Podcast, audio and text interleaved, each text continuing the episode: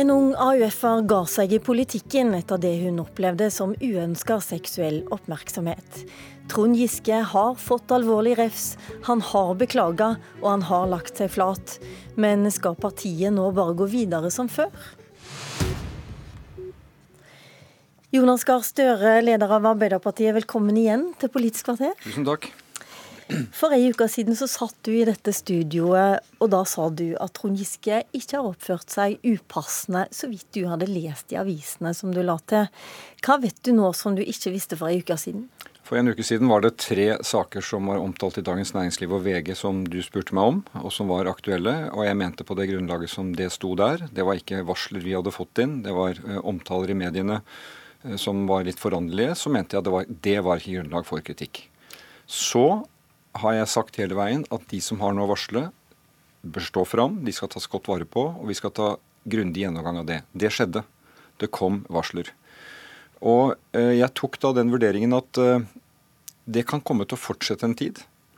Eh, at det kommer varsler. Det ser vi jo nå, at det, det, øker. Jeg vil si at det er bra at folk sier fra hvis de føler de har noe å si fra.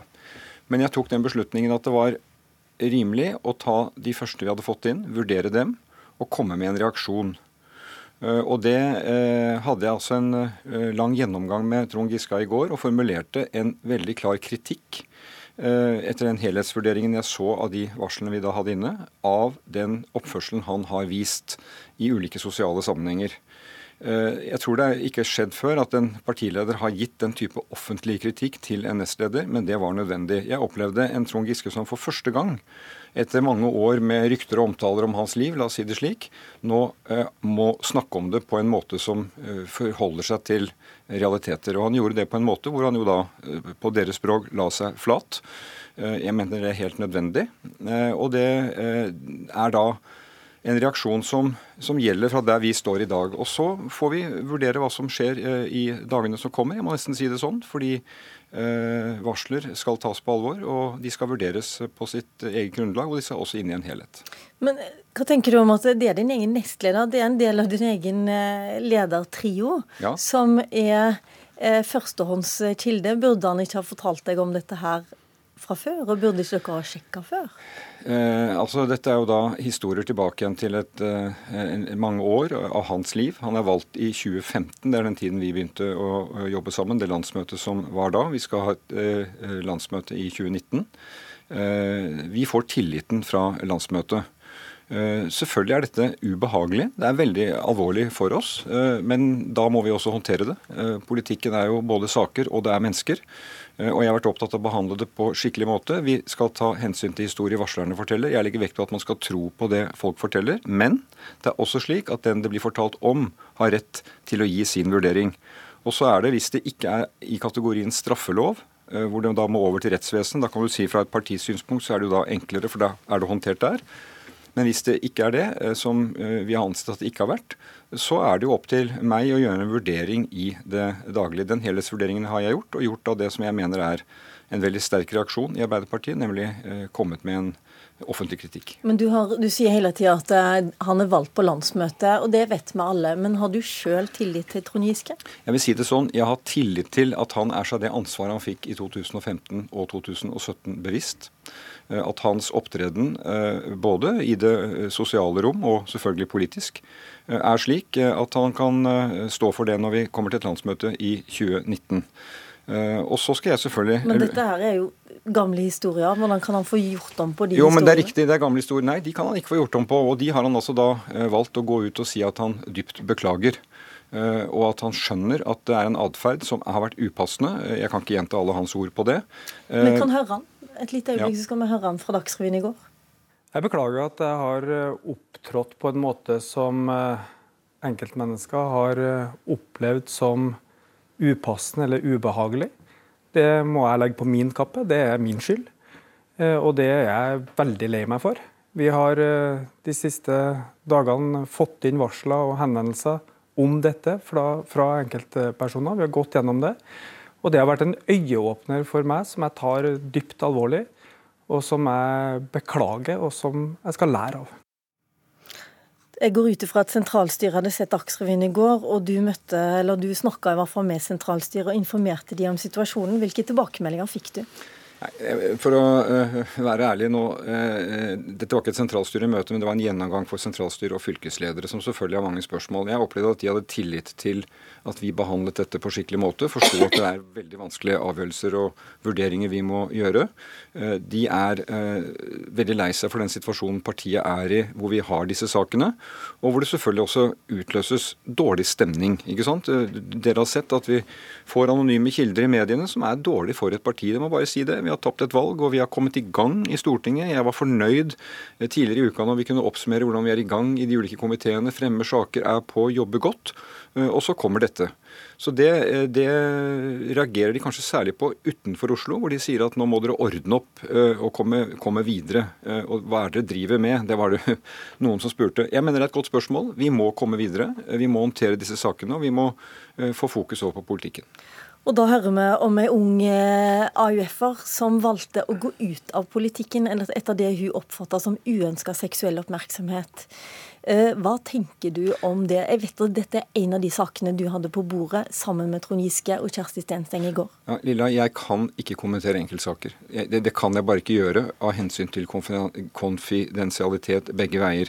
Uh, uh, og, uh, Men hun syns jo også det er litt sårt at verken du eller Trond Giske har tatt kontakt med nei, henne er, etter at hun varsla. Det er tatt kontakt tilbake med henne fra partikontoret. Men la meg si det slik at den historien har vært berørt. Men den forelå skriftlig langt utpå natten til i går. Så jeg har ennå igjen å se nærmere på den. Men hva skal hun tenke da? Skal hun tenke at nå er den ferdigbehandla hos dere? Ferdig med den saken? Nei, men, men, hun, men, hun, skal iallfall tenke det. La meg si det sånn. Jeg opplever at det har vært en kultur uh, i deler av partiet hvor opptreden sosialt ute uh, blant partifeller, som Trond også sa i går, alkohol, uh, ulike aldersgrupper, ulike maktforhold opp gjennom år, som jeg mener ikke er bra. En har, kultur gjelder det flere enn Trond Giske? Ja, det vil jeg si. At det har vært en, en kultur, en omgangsform i deler av politikken også. Men nå snakker jeg om mitt parti. Eh, vi har retningslinjer for det. Vi har prinsipper for det som sier at det ikke skal være sånn. Eh, men i de sene nattetimer og etter fest og på fortsatt fest, så, så har nok det eksistert. Det må vi ta tak i. Jeg ser det. Eh, jeg tror at jeg sammen med AUF må ta tak i det. AUF har retningslinjer, men her er det også overganger mellom, mellom AUF-tid og, og, og, voksentid som ofte er litt uklar. Og det trenger vi å ta kraftig tak i. Det tror jeg vi ser også etter dette. Har voksne politikere i Arbeiderpartiet brukt AUF som en slags eh, sjekkearena? Det begrepet vil ikke jeg bruke, men det er omgang ikke sant? fra en tid hvor folk har tid sammen eh, i tidligere, år, har et engasjement der også oppover i, videre år. Jeg opplever at vi har gode rutiner f.eks. når det er arrangementer med folk under 18, så er det ikke alkohol. Vi tar, eh, legger vekt på det. Og jeg vil si at det har skjedd en betydelig endring de siste årene i oppmerksomhet om dette. Og noen av disse historiene kommer fra en god del år tilbake. Eh, og, og Trond har jo også, har jeg opplevd, vært en pådriver for at vi har skjerpet opp disse prinsippene for hvordan vi skal omgås. Han har vært en pådriver for det? Ja, altså I den senere tid, da vi har jobbet som, som, ledelse og vært opptatt av prinsippene og omgangsformer, så, så har han vært, en, vært, tydelig på det. En, et av prinsippene det snakkes om, er det som kalles asymmetriske forhold. Eller som på folkemunne snakkes om å, å pule nedover, rett og slett. At eh, sentrale tillitsvalgte ikke skal ha seksuelle forhold med folk som ligger langt lavere nede ja. Jeg hørte Trond sa i går at det kan være forskjeller om maktforskjell. Altså en person med makt og en med mindre, eller ikke med makt, og aldersforskjell. Det er et, område, et område jeg mener en helt åpenbar eh, etisk standard vi må ha eh, med oss. Men har dere den standarden? Står den hos sted? Ja, ja det, altså det, det, er en, det, si en, en, en, nærmest selvfølge. Eh, nå må vi gå igjennom etter dette og se om dette er tydelig nok. Men, men jeg mener at det har vært en tydelig kulturell forståelse for det. Og dette er bare å understreke igjen at uh, dette handler ikke om lavalder, men det handler om aldersforskjeller som er, som er slik Uh, og da tillegger det den eldste uh, og den som har posisjon, å ta de hensyn som skal tas. Og Jeg opplevde jo det at det Trond Giske sa i går, var at for han var dette en øyeåpner. Og at han jo da, når han får, disse, får seg forelagt, så ser han at dette burde han gjort annerledes. Og legger, legger, jo da lista for seg selv på et nivå som, der den skal ligge, og hvor den selvfølgelig overhodet ikke kan overtres. Eh, du sa tidligere at du regner med at eh, det kommer flere varsler, at dere skal jobbe med dette de neste dagene. Betyr dette at dere kommer til å jobbe gjennom hele romjula? Vi må gjøre det som er nødvendig. Og jeg gjentar det jeg sa i starten. Da det begynte å komme meldinger, så var det noen som var en slik karakter at jeg sa at dette finner jeg ikke at det er grunnlag, det som står i avisen her som bl.a. rykter, kan ikke jeg kommentere. Så er det kommet meldinger, og da var det naturlig å tidlig gjennomgå dem, og resulterte i en veldig kraftig kritikk, og jeg vil kalle det en advarsel, som jeg formulerte i går. Så får vi se hva, hva, hva, som følger. Eh, jeg håper jo selvfølgelig at dette eh, er over, og at det ikke er mer. Men jeg ser at eh, når det kommer mer, så skal ikke jeg hindre det. Tvert imot. De som har noe å fortelle, får fortelle. Og så skal de være sikre på at vi behandler det på en skikkelig måte. Du regner ikke med noe julefred i år, kanskje? Vel, Som eh, alle andre ønsker jeg jo det eh, intenst, selvfølgelig. Men eh, når vi har valgt disse stillingene, så må vi ta det Politikken er et sånn 360 grader i livet. Det er saker, de er vanskelige, og det er også personer. Ofte er det det aller vanskeligste. Og når vi kommer til disse sfærene av livet, så er det ekstremt vanskelig. Og jeg vil bare si at det metoo har gjort, er jo vært et tidsskifte og klimaskifte i forhold til hva som kulturelt anses som akseptabelt i dag. Og så er spørsmålet hvordan får det betydning for ting som skjedde før og tidligere. Eh, og det er det altså vi som må gjøre vurderinger av, og jeg tar det på det aller største alvor. God jul, Jonas Gahr Støre, og tusen takk for at du stilte her i Politisk kvarter. Takk.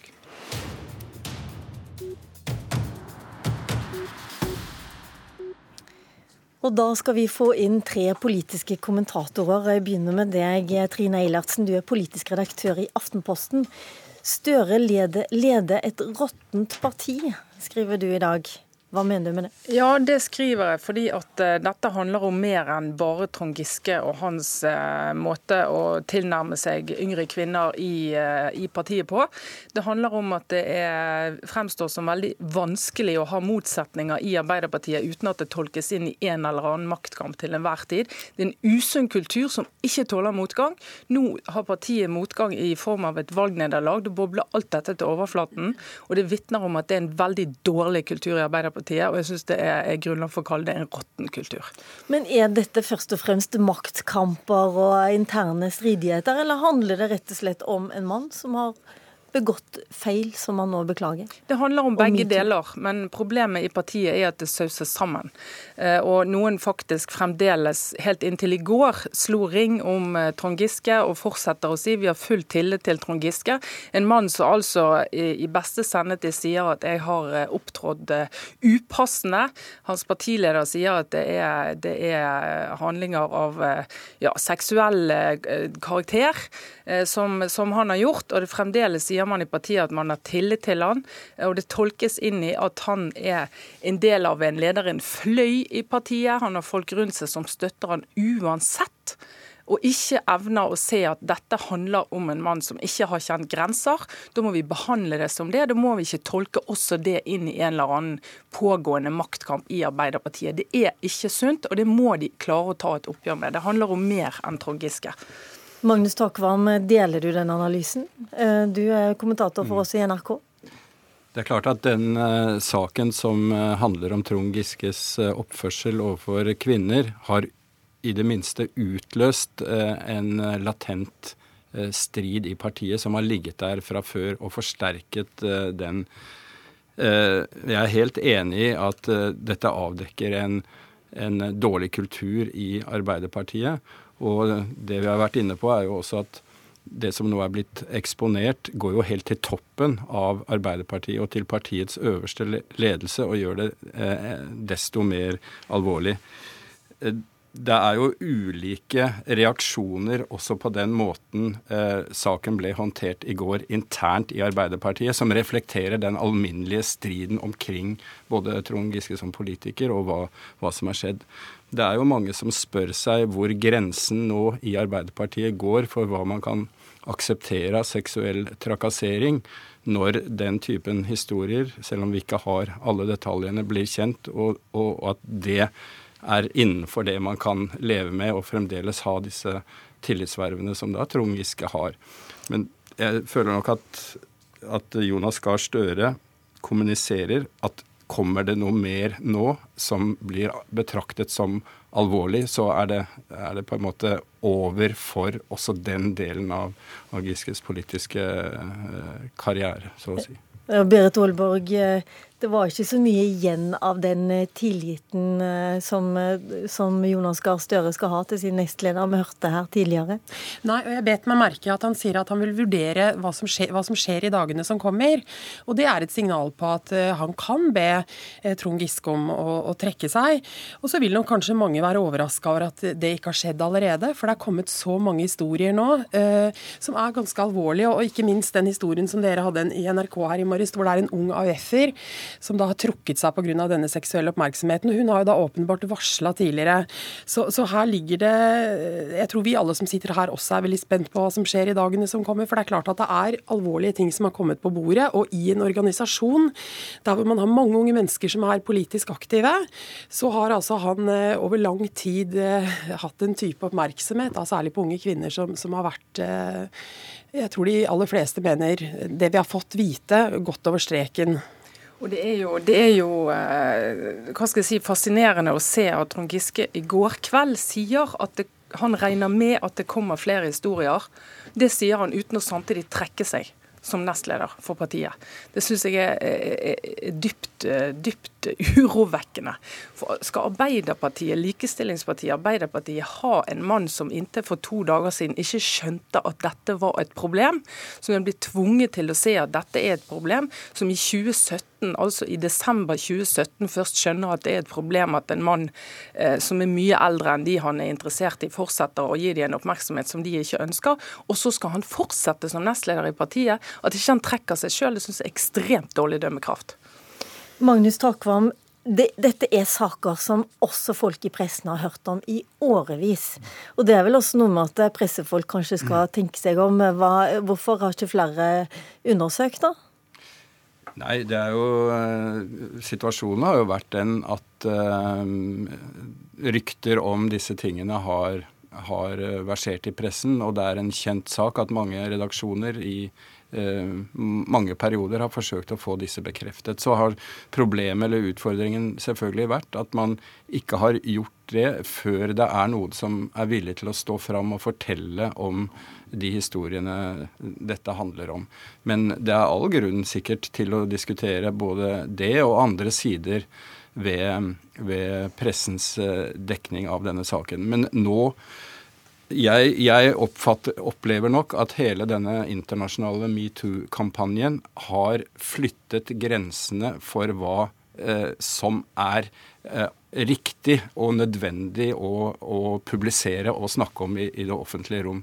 Mens det tidligere, som man har vært inne på i mange sammenhenger, gikk en eller annen grense ved, ved det juridisk straffbare, så er det nå situasjonen at de kvinnene som føler seg, selv føler seg krenket, har all mulig rett til å stå fram og fortelle om det, selv om det da ikke har noe med, med straffeloven å gjøre. slik at Derfor må vi på en måte se det i det lyset også. Oppfatter dere Støre i dag som en slags eh, at han nærmest inviterer flere til å stå fram, eh, Berit Aalberg? Ja, jeg tror i hvert fall han føler at han bør gjøre det. Og i og med at Giske selv har sagt at det kan komme flere historier, så kan vi vel kanskje regne med at det er en god mulighet for at det gjør det. Eh, og så vil jeg bare si litt i fortsettelsen av det vi har snakka om her, at det ene er på en måte det juridiske, som mm. han kan ha vært innenfor eller utenfor. Det, det vet vi jo ikke, fordi flere av oss, eller vi kjenner jo ikke til alle disse historiene.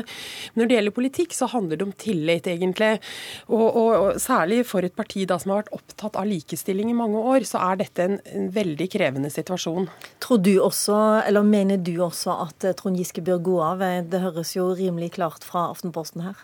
Ja, jeg, jeg mener at han nok burde gjort det, og det tror jeg nok mange også i Arbeiderpartiet mener at han, at han burde gjort. fordi at dette handler om politisk tillit. Og, og, når man sitter som nestleder i et parti som har tatt mål av seg å være, øh, være en plogspiss på likestilling, som Arbeiderpartiet ofte sier at de, de ønsker å være, så syns jeg det er veldig underlig at man da har en nestleder som ikke vet hvor grensen går for seksuelle og, og kanskje også trakasserende eh, oppførsel mot kvinner. Jeg må si hjertelig tusen takk der til Berit Aalborg, politisk redaktør i Vårt Land, Trine Eilertsen, politisk redaktør i Aftenposten, og vår egen Magnus Takvam. Nå skal julefreden i hvert fall få senka seg over Politisk kvarter, men bare noen dager for i romjula så er vi tilbake. Mitt navn det er Lilla Sølhusvik, og jeg ønsker våre lyttere en god jul. Men julefreden senker seg på ingen måte over Nyhetsmorgen heller, som nå fortsetter i en hel time til i P2 og Alltid nyheter.